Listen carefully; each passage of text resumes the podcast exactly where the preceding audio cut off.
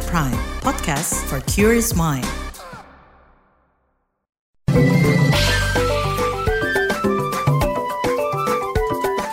What's up Indonesia?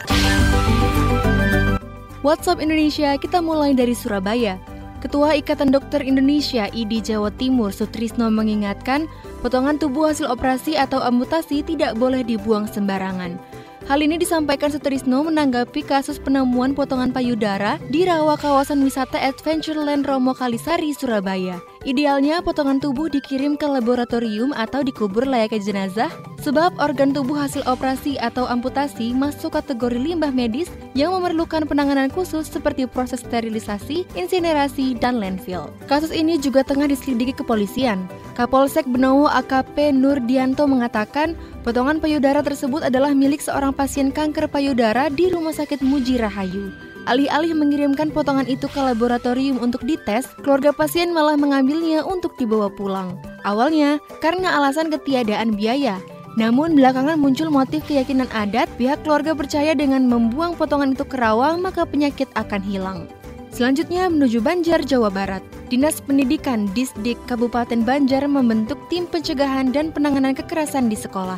Kepala Disdik Kabupaten Banjar, Liana Penny mengatakan, Satgas bertugas melindungi hak-hak anak, mengawasi tumbuh kembang, potensi, dan bakat anak. Pembentukan Satgas ini sesuai program Merdeka Belajar episode 25 yang mendorong satuan pendidikan untuk mengatasi dan mencegah kasus kekerasan seksual, perundungan, diskriminasi, dan intoleransi.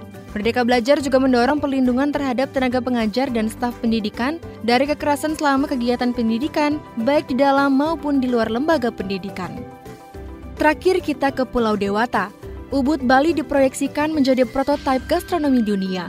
Menteri Pariwisata dan Ekonomi Kreatif Sandiaga Uno menjelaskan, wisata gastronomi menyajikan seni mempelajari makanan, mulai dari proses hingga hasil akhir. Menurut Sandi, tim United Nations World Tourism Organization atau UNWTO akan ke Bali dan memfinalisasikan Ubud sebagai prototipe. Salah satu wacana yang digaungkan UNWTO adalah pembentukan Gastronomy Tourism Club. Ubud dinilai siap menjadi ikon gastronomi dunia.